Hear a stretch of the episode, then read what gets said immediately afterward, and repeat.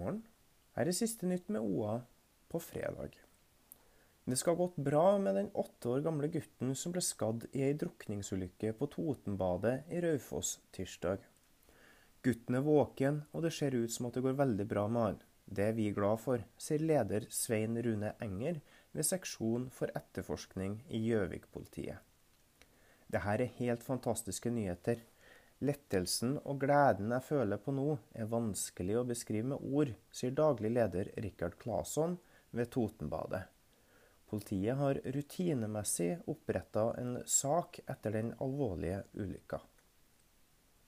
Ei takling i siste minutt av årets siste seriekamp endte med at FK Toten-spilleren Martin Gundersen Hoel måtte tilbringe tre dager på sykehus.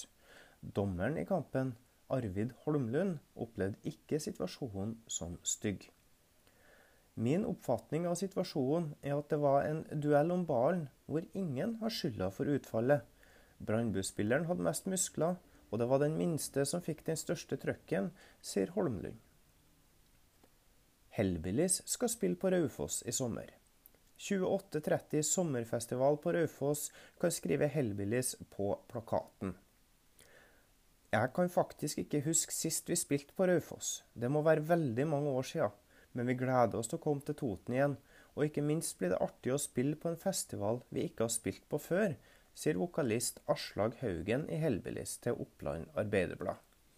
Les om det her og andre ting på oa.no. Her kan du også holde deg oppdatert gjennom dagen og helga på siste nytt.